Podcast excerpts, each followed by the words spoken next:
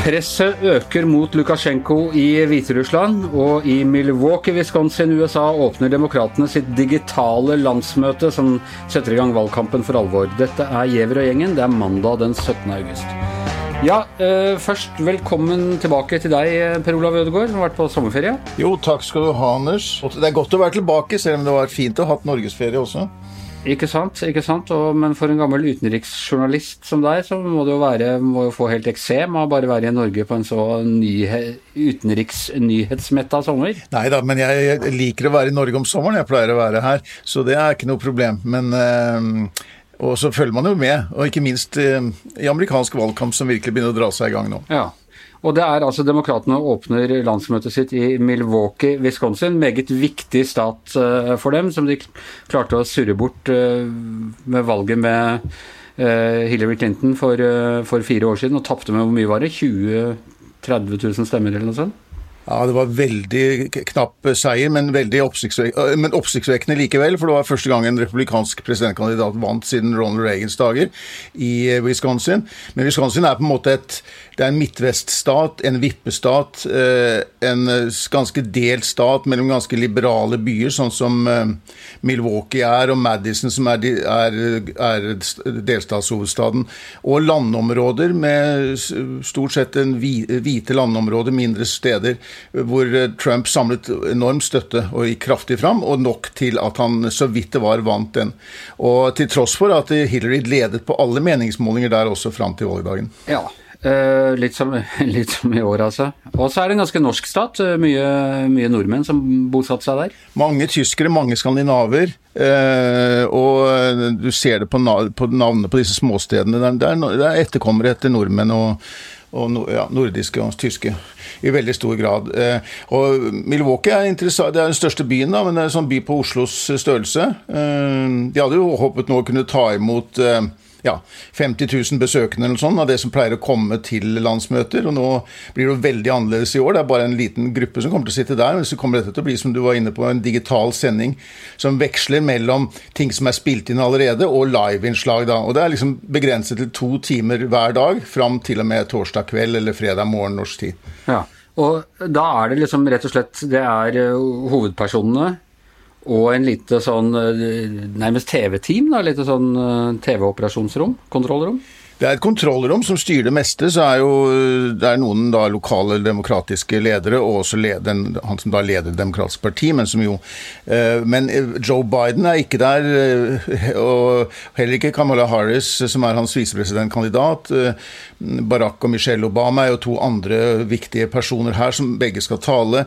De er heller ikke til stede. Hillary og Bill Clinton er også et annet sted. Så, så de kommer inn, og det kommer til å bli en helt annen annen, annen da, USA har aldri sett et landsmøte som dette tidligere. Eh, men en mann som også interessant nok dukker opp i Wisconsin denne uken, er Donald Trump, som skal drive valgkamp i sine kjerneområder eh, på landsbygda i, eh, i samme delstat som dette foregår. Men han skal, han skal fremstå fysisk? Ja. Det, det er, Med publikum?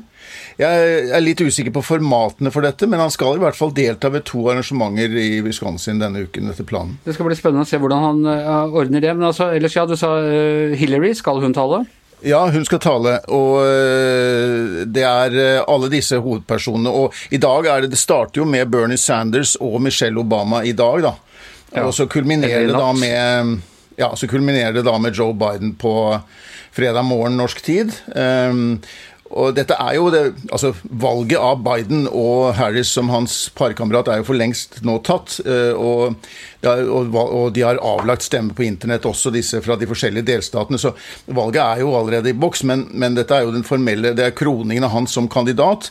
Og for demokratene så er det viktig å framvise at de står samlet, at de har med seg folk fra venstresiden, at de har med seg folk fra mer sånn eh, eh, sentrumsdemokrater, og også noen republikanere som da er med der, bl.a. tidligere Ohio-guvernør Kasich osv. Ja. Altså, Jeg så Bernie Sanders var på State of the Union på CNN i går. og Hvis noen liksom tror at han var litt sånn halvhjerta på Biden, så var han helt en I'm gonna do everything I can to defeat Donald Trump to elect Joe Biden. Det var jeg ganske klar på, altså. Ja, og her er det fra disse her ytre venstre som Trump liker å snakke mye om, de kommer til å delta, og også lang, også, og svært konservative. Alle går liksom sammen for å stå ja, med en samlet front, da.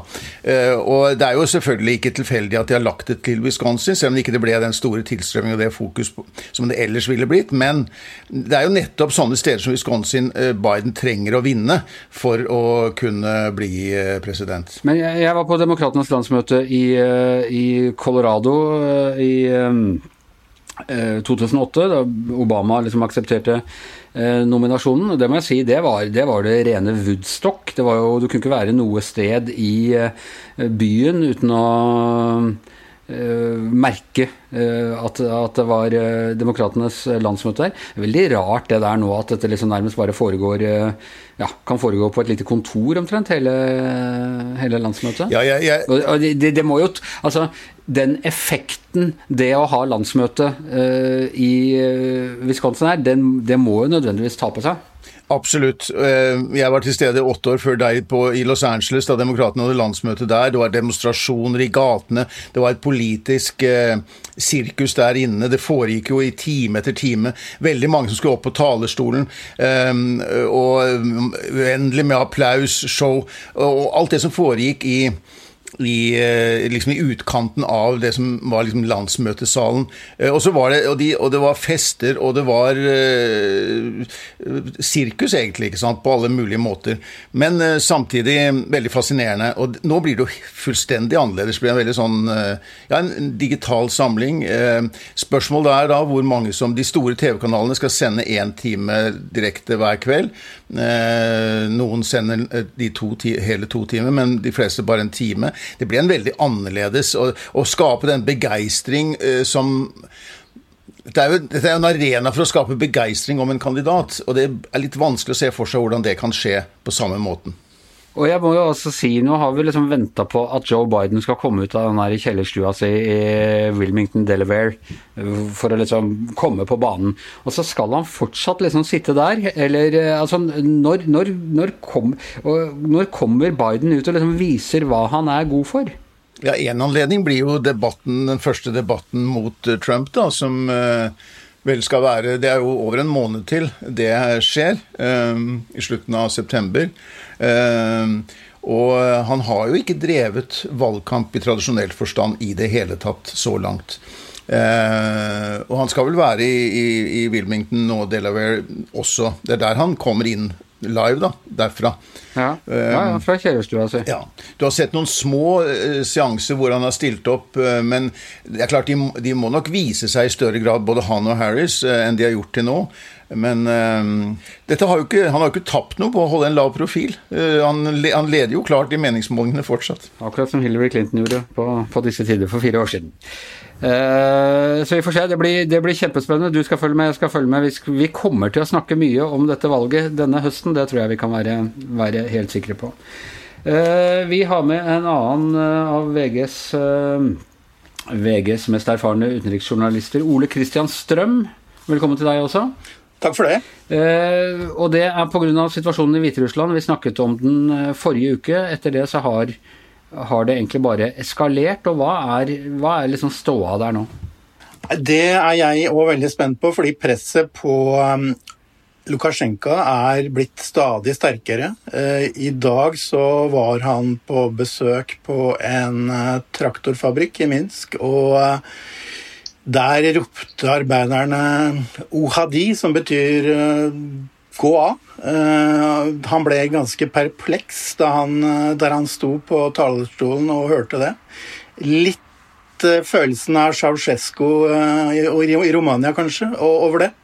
Og derfor så er det jo veldig um, Akkurat nå er han veldig hardt pressa. hvordan er det presset fra storebror fra, fra, Russland og Putin? Lukasjenko hevder jo at han har snakka med Putin i helga, og at Putin har lovt eh, støtte til sikkerheten, som, som han uttrykte det. Eh, hva det betyr, er eh, vanskelig å si. Putin har ikke sagt noe om det her. Og det spekuleres i russiske aviser om at det i så fall handler om å å styrke yttergrensene, og at, at det ikke vil bli brukt At ikke russiske soldater i hvert fall ikke vil gå mot, mot demonstrerende hviterussere. Men det er slett ikke sikkert at Putin finner det formålstjenlig å, å hjelpe sin venn, kan vi kanskje si, Lukasjenko. Men hvordan, hvordan, rent praktisk fungerer? Altså, opposisjonslederen er jo i eksil. Eh, demonstrantene sier 'gå av', men er det, er det liksom et apparat som eventuelt er klart til å overta? Hva slags revolusjon ser vi her? Er det et ny, nyvalg som skal skrives ut, eller er det som, som det var i, i Romania, bare litt sånn uklart hvem som overtar? og Eh, hvordan det hele organiseres. Svetlana Tikhanovskaja sa i, eh, fra Vilnius, der hun oppholder seg, at hun er klar til å overta styringen av landet. Men um, Tikhanovskaja er jo en person som overhodet ikke har noen erfaring fra politikk, og hun stilte som presidentkandidat da mannen hennes ble, ble arrestert. Ehm, så det er veldig uklart hva som kommer til å overta den dagen Lukasjenko ikke lenger er der. Hva tror du, Per Olav? Hvordan uh, vil det være et apparat som er i stand til å liksom skape et mer demokratisk uh, styre i Hviterussland? Først og fremst så syns jeg det er utrolig fascinerende å se det som har skjedd uh, i tiden etter dette famøse valget, hvor han ja, angivelig vant 80% av stemmene og som ingen aksepterte avviklingen, eller svært mange ikke aksepterte som, um, som, et um, rettferdig valg på noen som helst måte. Sett, det minner jo om mange andre episoder, tidligere episoder. Ole Kristian nevner jo Romania, og, men vi har sett det andre steder i Øst-Europa. Vi så det etter presidentvalget i Iran i 2008-2009. Langvarige, store demonstrasjoner i etterkant av folk som ikke oppfattet et valg i et autoritært system, hvor man ikke oppfattet valget som legitimt. Og det er jo en fellesnevn med sånne ting, med sånne veldig autoritære nasjoner, stater som dette, at de virker veldig solide, veldig stabile, inntil de plutselig ikke er det lenger. Og det, det er ved et sånt øyeblikk nå. Og det er jo Det er jo svært vanskelig å si hvilken hvordan dette kommer til å ende. Men jeg syns det var mektig å se de der massive eh, markeringene som de hadde i går. Vi har jo også sett tragiske eksempler på ting hvor vi tror at folket står opp mot uh, tyrannen, og, og, i det hele tatt, og så slår uh, regimet veldig hardt og, og, grusomt tilbake. Har, har Lukasjenko muskler til å knuse opprøret, Ole Kristian? Nei, det er jeg slett ikke sikker på. Eh, fordi eh, han har jo eh, Det er begrensa hvor store politistyrker og militære styrker han har. Og den er jo veldig folkelig den, Det opprøret som nå er, er, er veldig folkelig. Jeg tror det er, det er veldig veldig vanskelig for soldater og politi å gå mot det her òg. Altså virkelig slå enda hardere ned enn det de allerede har gjort. Og vi har jo eksempler på folk som sant, har sagt opp i politiet og sånt noe, som eh, et, etter, de, etter, de, forferdelige mm, angrepene på demonstrantene. Så um, det er slett ikke sikkert at han eh, Han har jo tidligere hatt stor støtte hos fabrikkarbeiderne, blant annet, og det var det han opplevde i dag, at Heller ikke de støtta han, og han sa jo da fra talerstolen eh, Han brukte jo da Det er jo stort sett mannfolk som jobber på de fabrikkene her, ikke sant? Og han begynte da å snakke om eh, Som mannfolk så Det verste som er at, er at folk sviker en, sa, sa Lukasjenko. Så um, det er tydelig at han ikke helt skjønner hvor det her blåser. Er det også en generasjonsmotsetning her i, i Hviterussland? Er det slik at, det er, at de unge er generelt mye mer pro Vest-Europa enn, en den eldre garde? Det er folk i alle aldre faktisk som er med i demonstrasjonene, eh, men eh, det er nok òg en aldersforskjell, ja. Og det går jo mye på at unge unge hviterussere ser på internett og andre steder hvordan eh, levestandarden er i land som er ganske nærme dem. Og Hviterussland har jo blant de laveste lønningene i hele Europa. Det var også snakk om at uh, statlige kringkastingsstasjonen hadde vendt ham ryggen, og at uh, journalisten og reporteren og ja, hele personalet der uh, ville forlate jobbene sine? Det er litt uklart hvor stor del av de ansatte der som, har, som streiker, og hvor stor del andel som støtter Lukasjenko. Det har vært f.eks. en reportasje fra, fra fra møtet på, på, på, på, fabrikken i dag, og der eh, de viste da det som Lukasjenko sa, men ikke viste at arbeiderne ropte 'gå av'. Ja, for Jeg husker det fra, fra Romania og sånne ting. hvordan de, Det var jo kringkastingsstasjonen som på en måte ble tatt, og det var der hele det var der revolusjonsrådet holdt eh, fortet gjennom den helt spesielle jula i 1989. Det er rykter nå om at det samles store folkemengder, og at de er på vei mot TV-huset i Minsk. Eh, hvorvidt det er riktig, det er jeg ikke sikker på. Det blir jo spennende også, for å gå tilbake til vårt forrige tema, Per Olav. Det blir jo også spennende i USA med, med valgresultatet der, hvis det skulle bli nederlag for Donald Trump, om han vil akseptere det. Og, men dette får, jeg, får vi rikelig anledning til å snakke om fremover.